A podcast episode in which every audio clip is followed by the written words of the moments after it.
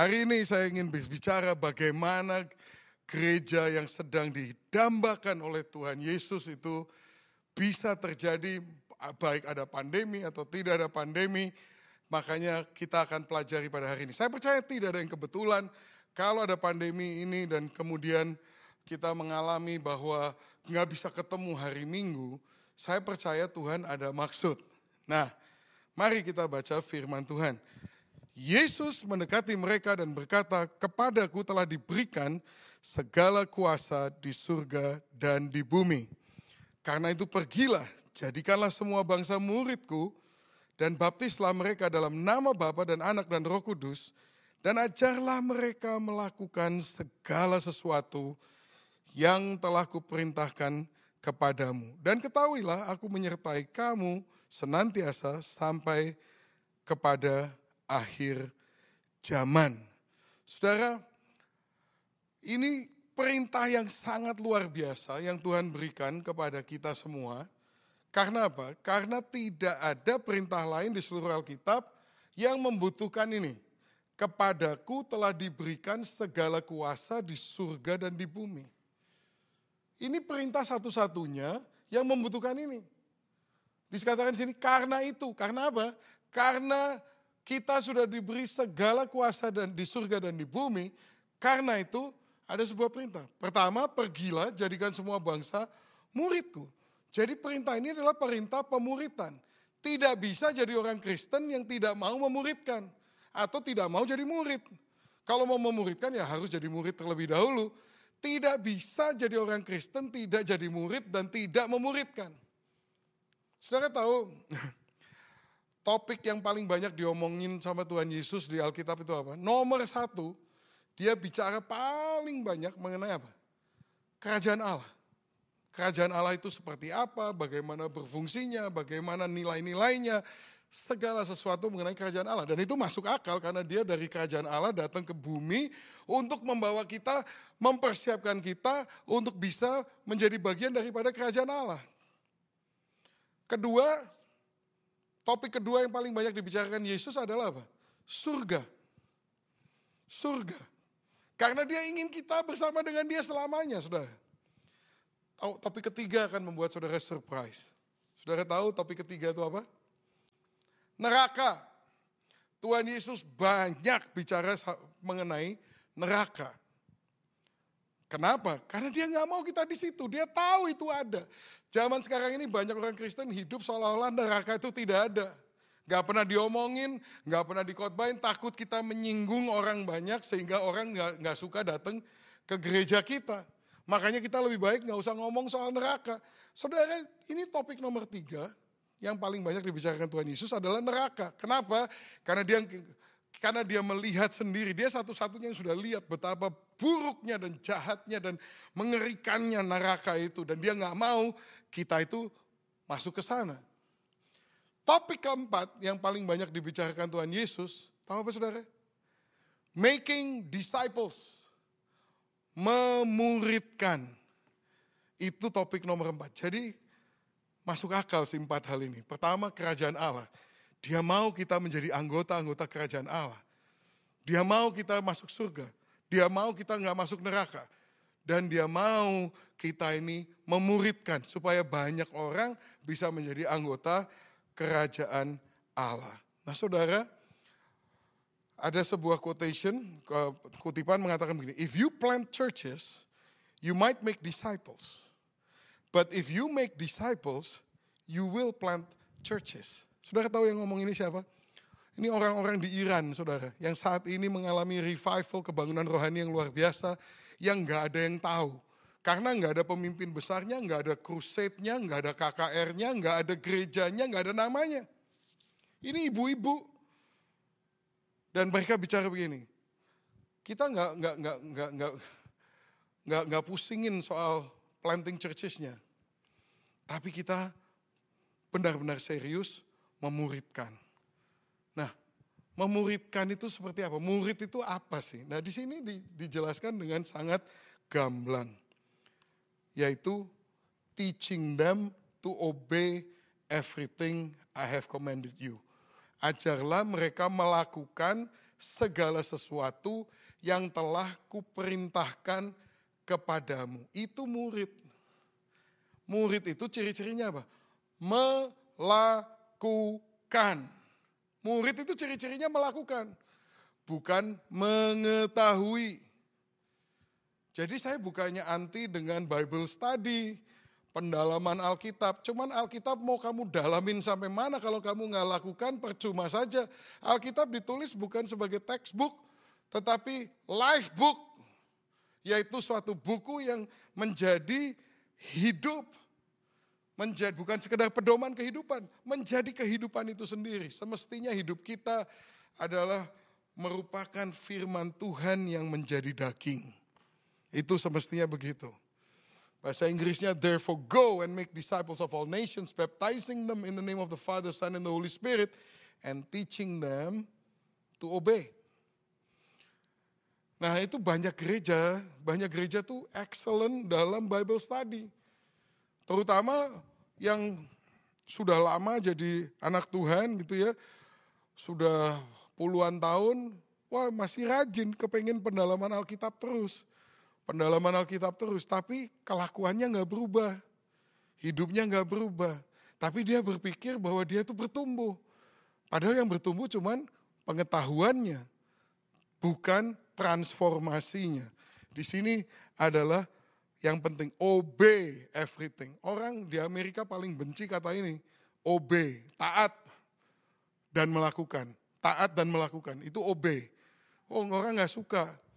Orang lebih seneng seminar akhir zaman. Wah, artinya apa? Tujuh tanduk, enam apa ke, enam, ke, nah, enam kepala atau apa semua menyelidiki segala yang aneh-aneh dan dan sebagainya. Saudara, saya dulu belajar di sekolah Alkitab begini. Kalau kita mau menjadi murid Yesus, follow the tenor of the Bible. Artinya begini, kalau itu tema besar di Alkitab, itu harus jadi tema besar di dalam pikiran kita, kehidupan kita, dalam khotbah kita. Itu kalau tema kecil di Alkitab ya nggak usah jadi besar-besarin. Berapa banyak Tuhan Yesus ngomong akhir zaman? Dia ngomong nggak? Ngomong. Nomor berapa? Tadi kan saya kasih urutan ke empat yang paling tinggi adalah kerajaan Allah, surga, neraka, terus membuat murid, pemuritan akhir zaman itu nomor 11.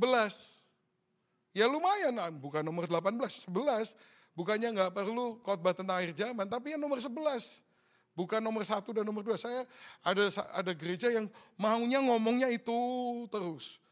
666, chip, ini, itu. Kenapa? Karena mereka udah jemu, disuruh taat dan melakukan. Mereka lebih senang entertain, meng, apa, entertain Their mind, pikiran mereka ini di, oh kamu tahu nggak? Wah aku tahu ini, aku tahu ini. Oh tahu nggak Yesus antara umur 12 sampai 30 ngapain aja? Lah kalau di Alkitab nggak ditulis, kenapa kamu mau bikin seminar tentang itu? Nggak perlu. Yang gede dibikin gede, yang kecil dibikin kecil. Jadi yang jangan yang kecil-kecil dibesar-besarin. Yang besar di Alkitab tuh ini. Ini besar. Tapi banyak orang udah udah udah jemu. Amanat agung, ah itu lagi, itu lagi. Ya memang itu lagi. Bertobat kamu. Sudah dilakukan belum? Kamu budayanya go atau enggak? Kamu tuh suka pergi atau tidak untuk memberi untuk menjadikan semua bangsa murid Tuhan. Membaptiskan mereka, artinya memenangkan mereka kepada Tuhan. Dan kemudian apa? Setelah dimenangkan apa? Diajar, bukan diajar untuk mengetahui, tapi diajar untuk nurut, diajar untuk dihidupi, diajar untuk dilakukan. Ajarlah mereka untuk melakukan segala sesuatu yang telah kuperintahkan. Bukan ku seminarkan, bukan ku ajarkan, ku perintahkan. Alkitab ini bukan textbook, ini penuh dengan perintah. Saudara, perintah itu harus ditaati. Haleluya. Di Itali ada sebuah bangunan yang terkenal sekali. Terkenalnya bukan karena apa, karena miring saudara. Great facade, bad foundation. Pisa, Menara Pisa ini dibangun mulai tahun 1173. Tapi masalah itu udah dari permulaan. Karena tanah itu terlalu lem, uh, terlalu uh, uh, empuk gitu ya, terlalu banyak air di sana, maka para pembangun ini cuma bisa ngeduk tanah itu sedalam 3 meter. Nah, ini bangunan 8 tingkat mau fondasi cuma 3 meter, yaitu kurang bijaksana ya saudara. Nah, waktu mereka membangun baru level pertama sini udah mulai udah mulai tenggelam saudara. Nah kemudian bukannya dibetulkan fondasinya, mereka melakukan apa yang namanya kompensasi. Ya. Kompensasi. Jadi apa yang mereka lakukan di sini, karena ini tenggelam ke bawah, maka sebelah sini dibikin lebih tinggi daripada sebelah sana. Jadi kalau di sini misalnya 3 meter, di sini dibikin 3 meter 10 cm gitu ceritanya kompensasi. Tapi masalahnya tambah ditambah ditambah tingkat-tingkat berikutnya tambah lama tambah tenggelam, tambah tambah melesek ke dalam gitu saudara. Nah kemudian mereka terus berusaha, akhirnya uh, uh, setelah beberapa lama uh, mereka berhenti karena udah nggak bisa lagi saudara. Berapa kali mereka mulai, mereka stop, mulai, stop. Itu kan tadi tahun dimulai tahun 1173. Tahun 1234 arsitek baru uh, memba, uh, mereka membangun lagi dan kali ini mereka membangun tingkat yang keempat, saudara. Setelah 100 tahun mereka bangun lagi tingkat keempat. Dan mereka tetap nggak betulin fondasinya, tapi tingkat keempat dibikin lebih tinggi lagi daripada satu sisi ini dibikin lebih tinggi daripada sisi yang berikutnya. Jadi sebetulnya kalau saudara perhatikan betul-betul, menara ini tidak merupakan garis lurus, tapi ini melengkung. Karena dari sini ke sini, dari bawah ke atas ini, bagian sebelah kanan, lebih tinggi daripada sebelah kiri.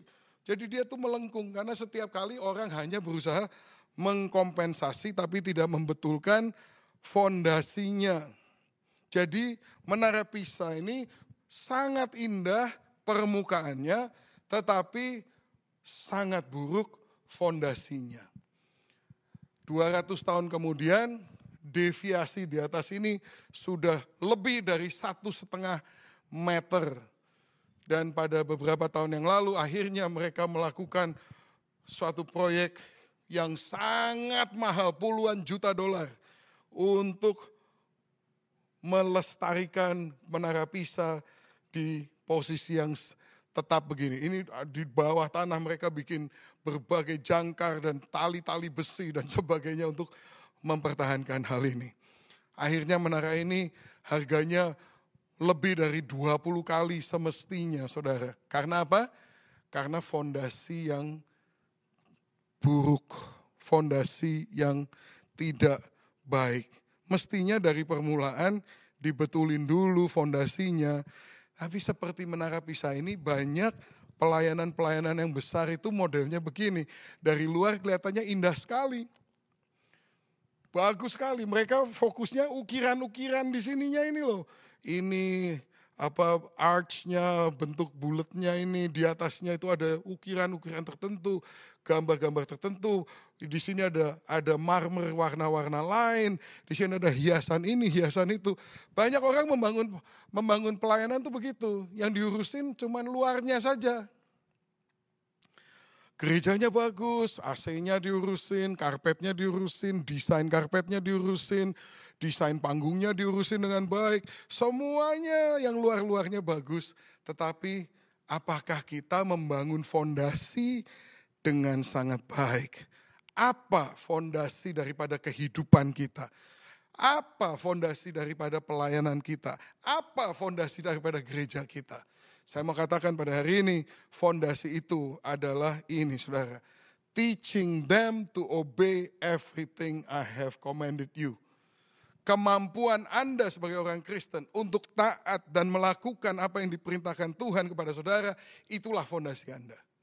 Kemampuan daripada pelayanan Anda untuk taat kepada firman Tuhan yang diperintahkan kepadanya, itulah fondasi pelayanan Anda. Kemampuan seluruh jemaat di dalam gereja Anda untuk melakukan apa yang diperintahkan oleh Tuhan kepadanya. Itulah fondasi daripada gereja Anda. Bukan berapa jumlah orang yang hadir, bukan betapa besar gedungnya, bukan betapa bagus panggungnya, bukan berapa banyak lampunya. Ini yang menjadi faktor yang menentukan. Di sini dikatakan di Lukas pasal 6 ayat 46. Mengapa kamu berseru kepadaku Tuhan, Tuhan, padahal kamu tidak melakukan apa yang aku katakan. Setiap orang yang datang kepadaku dan mendengar perkataanku, serta melakukannya, aku akan menyatakan kepadamu dengan siapa ia dapat disamakan. Ia sama dengan seorang yang mendirikan rumah. Orang itu menggali dalam-dalam. Nah itu yang tidak dilakukan di Menara Pisa. Cuma tiga meter. Orang itu menggali dalam-dalam dan meletakkan dasarnya di atas batu bicara soal apa? Fondasi. Ketika datang air bah dan banjir melanda rumah itu, rumah itu tidak dapat digoyahkan karena rumah itu kokoh dibangun. Akan tetapi barang siapa mendengar perkataanku, tetapi tidak melakukannya, ia sama dengan orang yang mendirikan rumah di atas tanah tanpa dasar, kayak menara Pisa. Ketika banjir melandanya, rumah itu segera rubuh dan hebatlah kerusakannya. Jadi perbedaannya ini hanya dalam satu hal. Rumah yang berdasar dengan yang tidak berdasar bedanya adalah melakukan atau tidak melakukan. Dua-duanya dengar firman yang sama. Dua-duanya di gereja yang sama. Dua-duanya di gereja yang dapat khotbah yang bagus. Jadi ukuran gereja itu bukan berapa bagusnya khotbahnya dan berapa banyak yang mendengarkan. Kita tuh kalau mengukur kesuksesan gereja kan begitu. Jemaatnya berapa? Siapa yang khotbah? Uh, khotbahnya bagus. Oh, gereja sukses. Saudara belum tentu. Semestinya yang mesti diukur adalah kekuatan fondasinya. Apa itu kekuatan fondasinya? Berapa banyak firman itu ditaati dan dilakukan? Saudara, banyak orang di gereja udah lama ya. Saya pernah tuh saya katakan kan, saya udah cerita bahwa suatu hari saya khotbah hari Minggu, saya bikin sama persis dengan minggu sebelumnya. Untuk mencobai jemaat saya. Wah lucu saudara, semuanya resah. Dipikir saya lupa. Terus saya ngomong, kamu pikir saya lupa ya khotbah minggu lalu dengan semua kata-katanya saya pakai yang sama. Mereka semua lega, oh ternyata dia juga tahu. Saya bilang, saya udah khotbah berapa puluh tahun. Saya tunjuk beberapa orang di situ. Kamu udah ikut saya berapa tahun? 25 tahun kan? 23 tahun, 20 tahun, udah puluhan tahun. Setiap minggu saya harus khotbah yang baru. Yang baru. Bayangkan bukunya aja cuma satu. Alkitab itu. Suruh khotbah baru tiap minggu. Bertahun-tahun, berpuluh-puluh tahun apa enggak. Mumet itu saudara. Nah tapi masalahnya yang saya khotbahkan udah saya udah kot semua saya udah khotbahkan. Udah dilakuin atau belum? Minggu lalu saya khotbah apa? Coba ayo inget nggak? Kebanyakan nggak inget saya khotbah apa. Bukannya karena khotbah saya jelek nggak bisa diinget. Enggak. Tapi ya memang begitu. Kalau nggak nyatet ya hari rebo tuh tinggal belasan persen yang masih inget itu gitu itu hukum alam gitu aja. Lah, ingat aja enggak, boro-boro melakukan. Lah kalau kamu yang saya khotbahkan minggu lalu aja belum kamu lakukan, kenapa saya hari ini harus susah-susah khotbah yang baru? Saya akan khotbah yang sama sampai kamu melakukan apa yang saya khotbahkan. itu ancaman saya. Tapi habis itu ya saya khotbah yang baru karena ya mau gimana ya. Ini tekanan buat pendeta harus begitu, harus tiap kali yang baru. Kalau enggak nanti gimana jemaatnya dan sebagainya. Padahal fokusnya kan saya ini kan bukan entertainer, saya ini bukan bukan pelawak, saya ini bukan pembicara saja, saya ini gembala. Fokus saya yang paling utama, prioritas saya pertama bukan menghibur kamu dengan khotbah yang menghibur, yang menguatkan. Bukan, saya harus membawakan firman Tuhan yang kamu harus taati dan kamu lakukan supaya hidupmu berubah. Itu fondasi daripada kehidupan kekristenanmu, fondasi daripada gereja ini.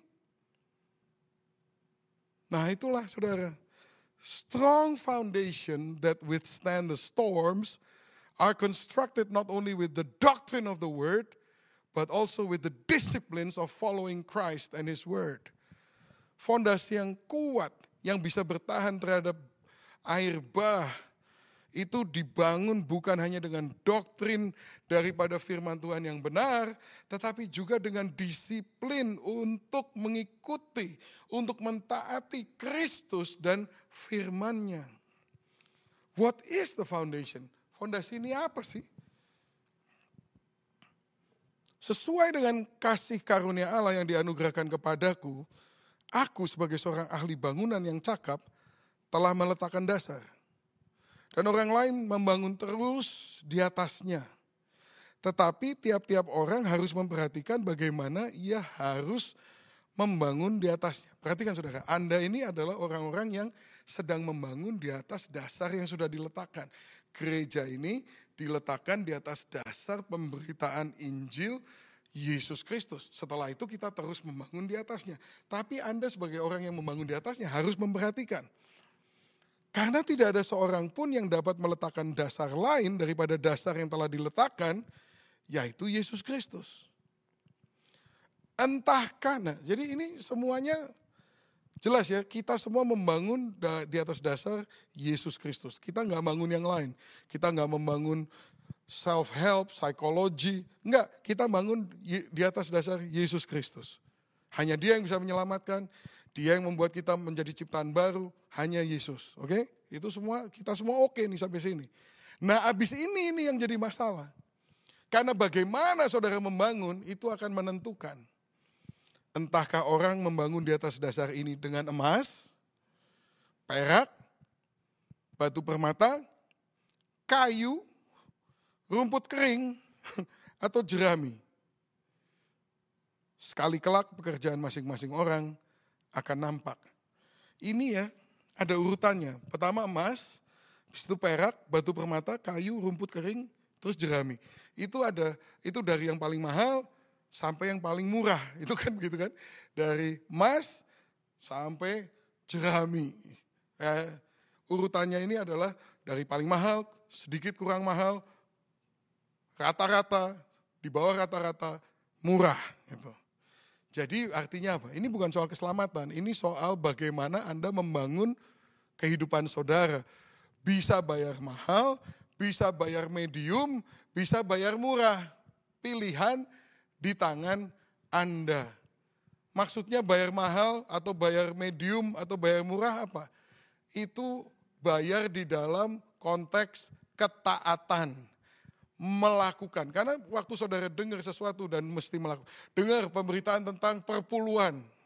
Oh sepersepuluh itu punya Tuhan. Oke, dengar sih masih enak. Tapi habis itu waktu saudara mesti melakukan, maka Anda membayar harga. Pilihan ada di tangan saudara. Mau bayar harga mahal, mas, harga medium, atau harga murah. Waktu dibilang perpuluhan 10 persen, Orang yang mau bayar harga mahal adalah mengatakan, aku akan memberikan 10% itu milik Tuhan. Dan karena aku masih mau memberi kepada Tuhan, aku memberi lebih daripada 10%. Karena 10% itu belum memberi, 10% itu milik Tuhan. Nah gitu kan, itu orangnya bayar mahal. Bayar medium, ya aku akan taat daripada nanti kena kutuk, aku bayar 10%. Bayar murah, aduh Tuhan kau tahu niatku, aku pengen bayar 10 persen. Bahkan aku maunya memberi 10 ribu persen. Tapi Tuhan ini 2 persen dulu lah ya, jangan marah. Tuhan sih gak bakal marah. Semua amarah Tuhan sudah dicurahkan hanya kepada anaknya yang tunggal. Tuhan udah lagi gak menghukum-hukum lagi.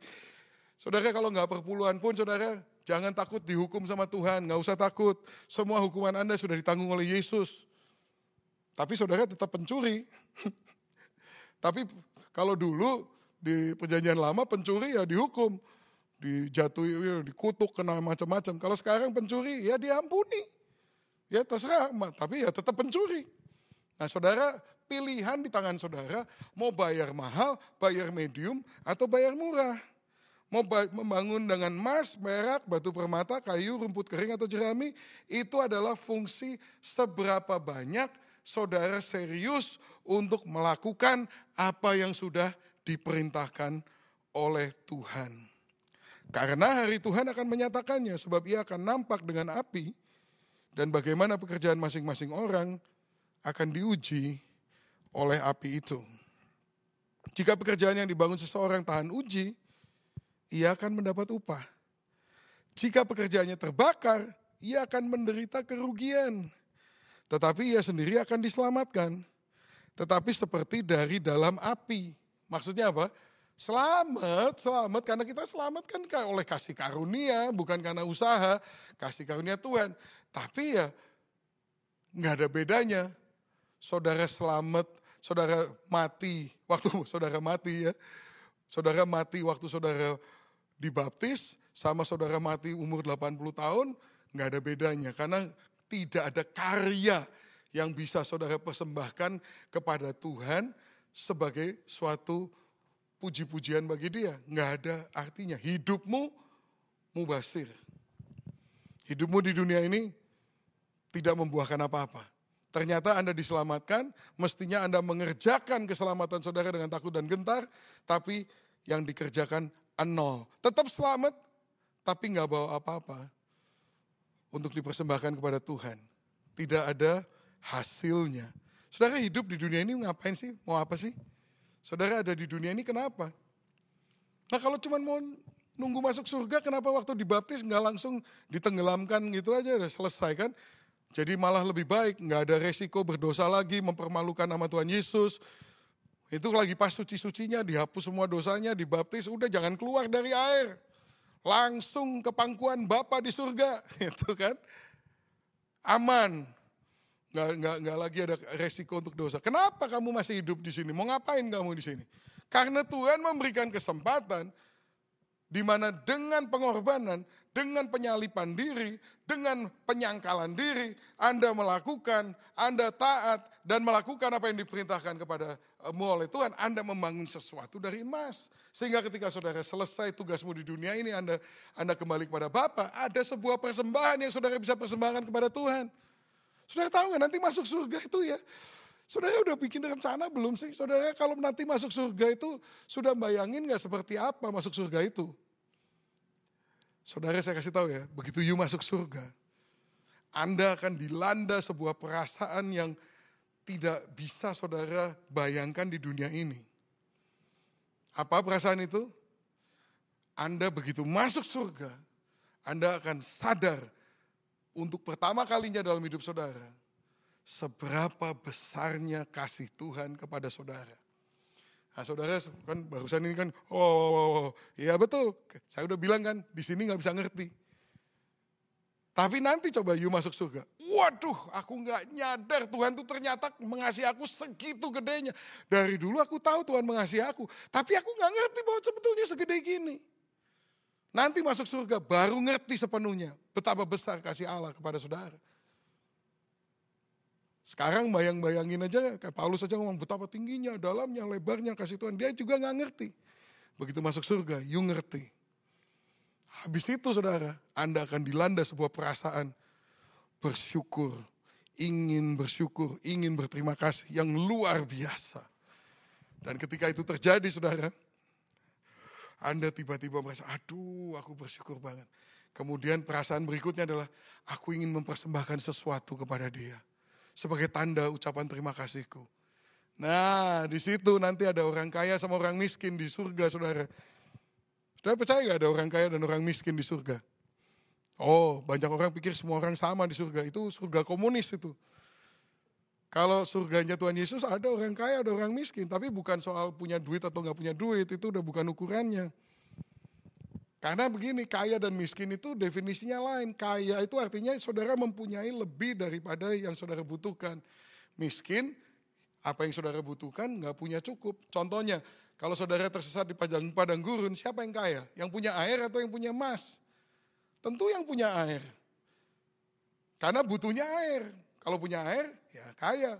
Kalau punyanya emas, meskipun punya banyak emas, tapi kalau di padang gurun mau, mau minum emas, nggak bisa kan? Miskin. Nah di surga siapa yang kaya? Siapa yang miskin? Siapa yang kaya adalah orang yang mempunyai. Nah ini kan sekarang kebutuhan di surga apa sih? Kebutuhan yang paling besar di surga adalah menyatakan terima kasih kita kepada Tuhan karena kita baru saja sadar betapa dia mengasihi kita. Kepingin mempersembahkan sesuatu. Apa yang kamu persembahkan? Kamu bangun apa dulu dong di, di dunia ini? Kamu bangun kehidupan dengan emas atau kamu membangun kehidupan dengan jerami yang asal-asalan? Kalau saudara membangun dengan emas, Anda berkorban, Anda memberikan segala sesuatu kepada Tuhan, mentaati firman Tuhan, bayar harga.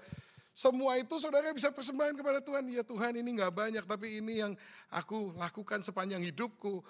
Aku menyangkal kedaginganku, aku berkorban untuk membangun sesuatu yang dari emas.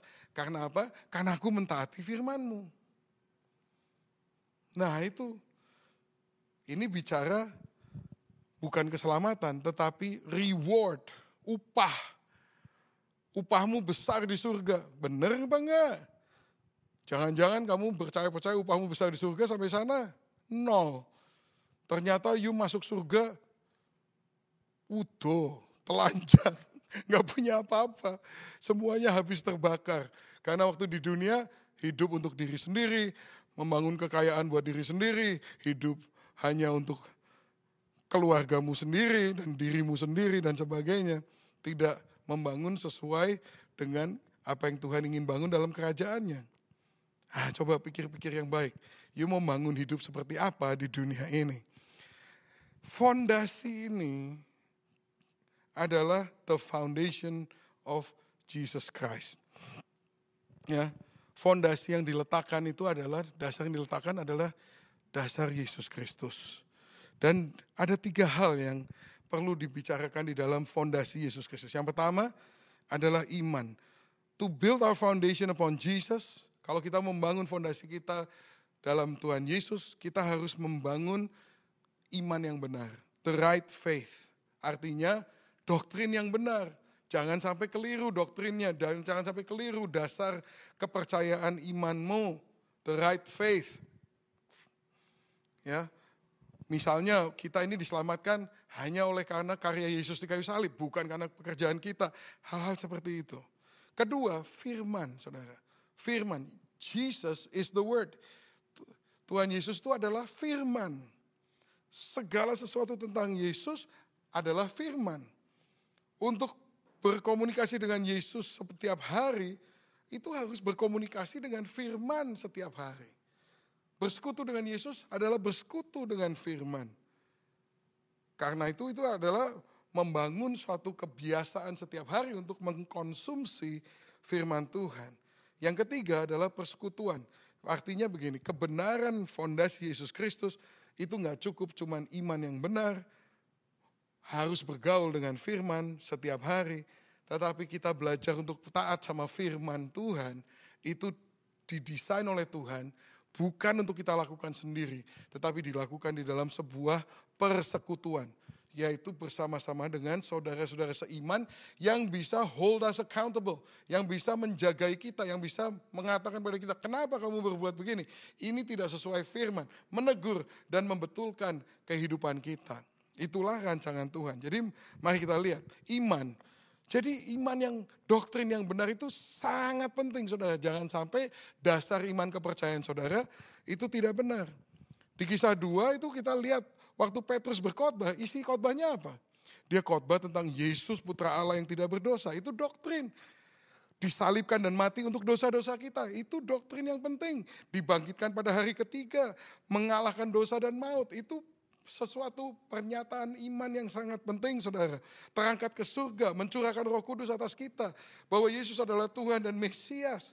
Dan kita harus meresponi dengan cara bertobat. Gak cukup cuma percaya tapi harus bertobat. Dan harus memberi diri dibaptis. Dan menerima karunia roh kudus. Memisahkan diri dari angkatan yang jahat. Ini semua doktrin dasar kekristenan. Anda harus memiliki iman yang benar dan kokoh. Yang kedua adalah firman. Pada mulanya adalah firman. Firman itu bersama-sama dengan Allah dan firman itu adalah Allah. Saudara tahu nggak? Firman itu segalanya.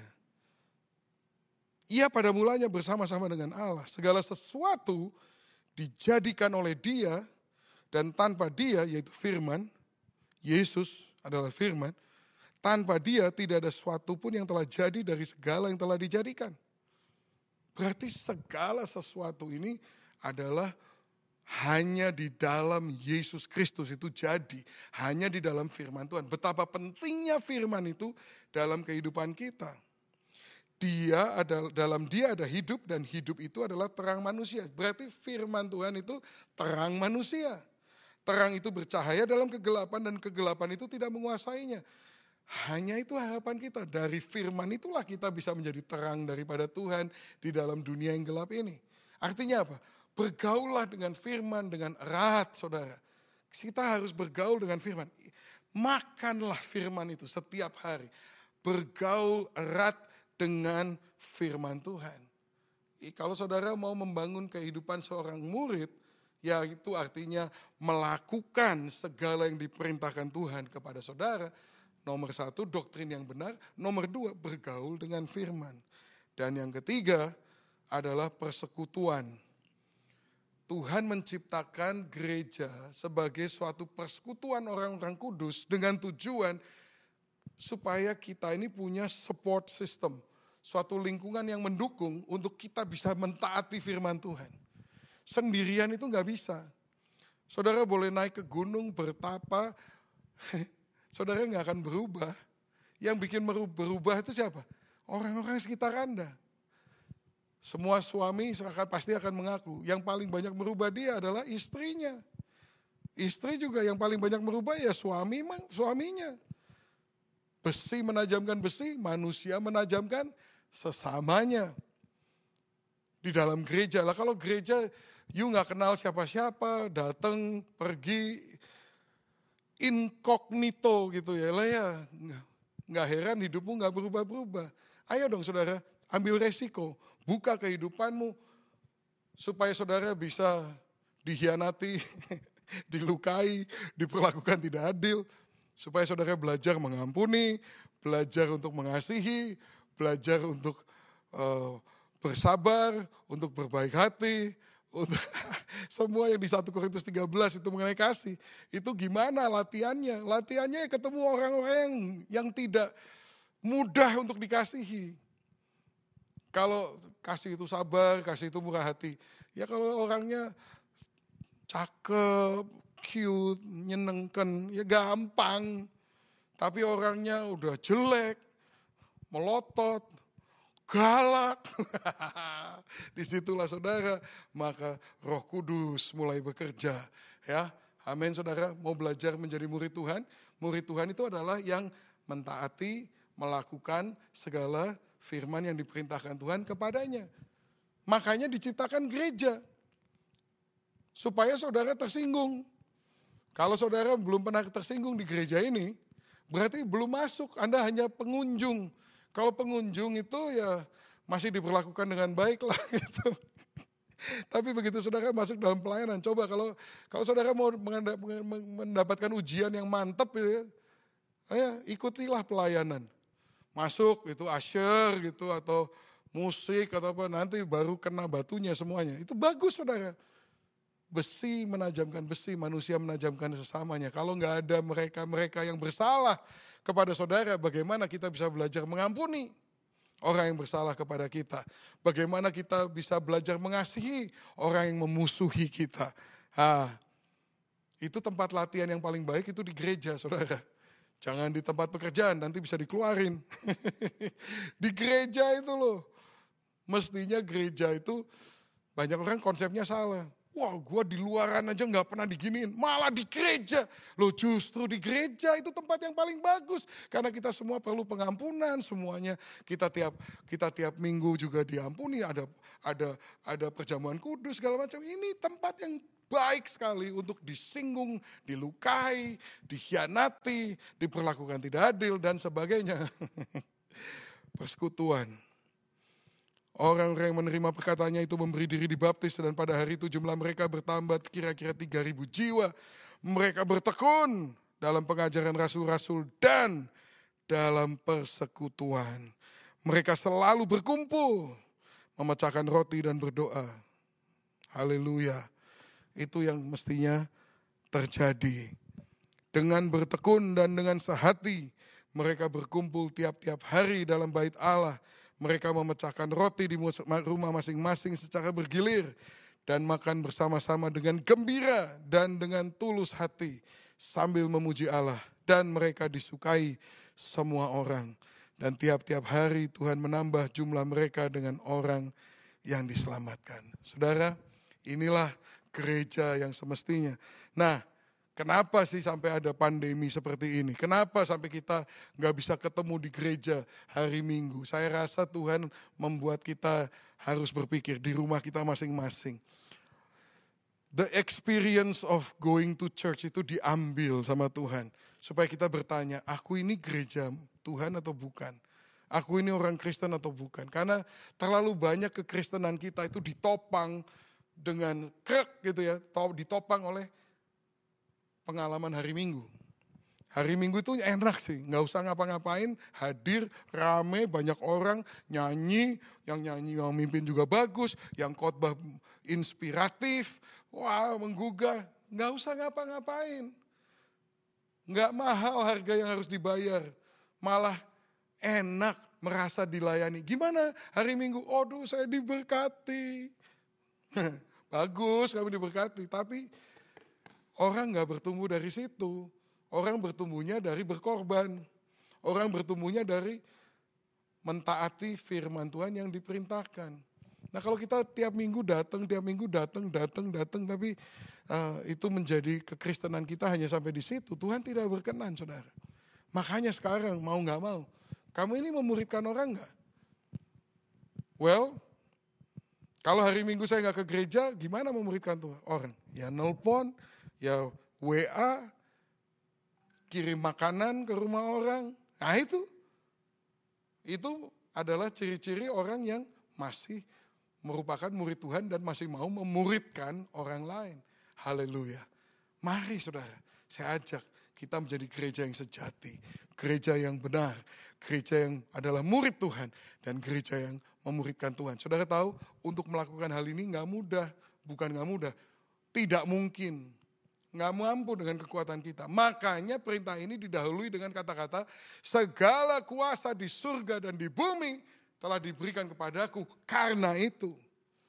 Jadi kita ini dibekali dengan kuasa, segala kuasa di surga dan di bumi.